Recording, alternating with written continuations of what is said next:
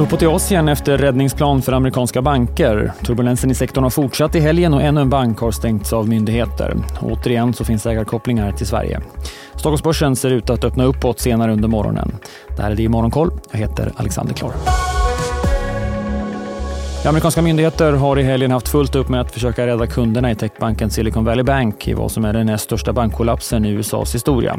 Men turbulensen har också vuxit och innefattar nu även Signature Bank, en kryptobank med mycket exponering mot kryptomarknaden som myndigheter tagit över eftersom man ser liknande systemrisker som i SVB. Och precis som i Silicon Valley Bank så är svenska pensionsjätten Alecta en av ägarna i banken.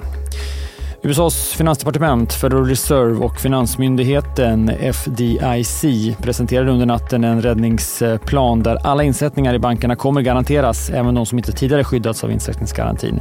Däremot räddas inte aktieägare och vissa fordringsägare kommer inte heller skyddas. Finansminister Janet Yellen sa i en kommentar att skattebetalarna ska skyddas denna gång, men det blir inga bailouts.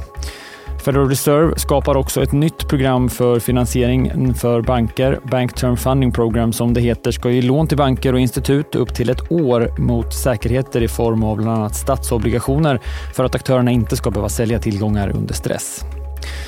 Wall Street, som hade sin värsta vecka hittills i år under förra veckan, ser positivt på beskeden och ser ut att öppna uppåt senare i eftermiddag om vi ska tro terminerna.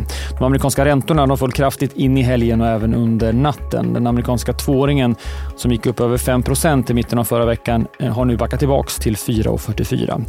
Tioåringen har backat till 3,70 och flera aktörer i marknaden, bland annat Goldman Sachs, spår nu att Federal Reserve helt avstår från att höja räntan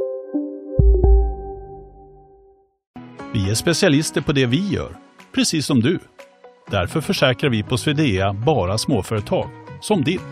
För oss är små företag alltid större än stora och vår företagsförsäkring anpassar sig helt efter firmans förutsättningar. Gå in på swedea.se företag och jämför själv.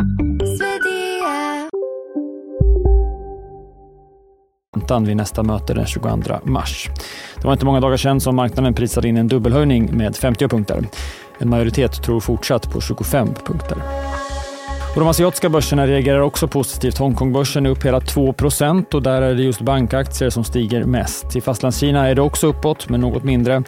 Där avslutas idag folkkongressen. I helgen så fick nuvarande centralbankschef och finansminister i Kina förnyat förtroende, vilket beskrivs som överraskande för en hel del bedömare.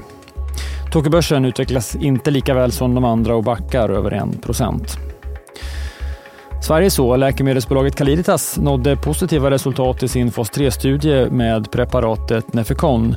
Bolaget säljer redan preparatet på marknaden efter ett tidigare snabbt godkännande men studieutfallet nu gör att man säger att man har goda chanser att få fullständigt godkännande av myndigheterna. Den svenska klädhandelns försäljning steg med drygt 6% i februari jämfört med samma månad i fjol. Skohandeln steg med 0,7 Det här visar Svensk Handels stilindex. Sofia Larsen, som är VD på Svensk Handel, säger i en kommentar att det är en dyster trend som fortsätter och många kostnader har stigit mycket mer.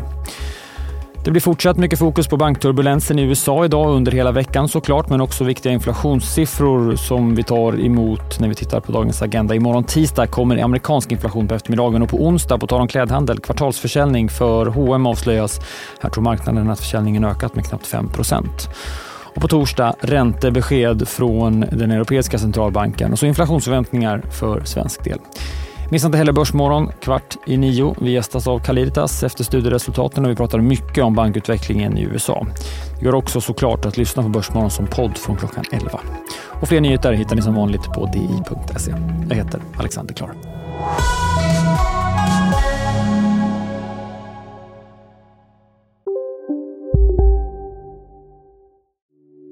Hej, Ulf Kristersson här. På många sätt är det en mörk tid vi lever i. Men nu tar vi ett stort steg för att göra Sverige till en tryggare och säkrare plats. Sverige är nu medlem i Nato. En för alla, alla för en.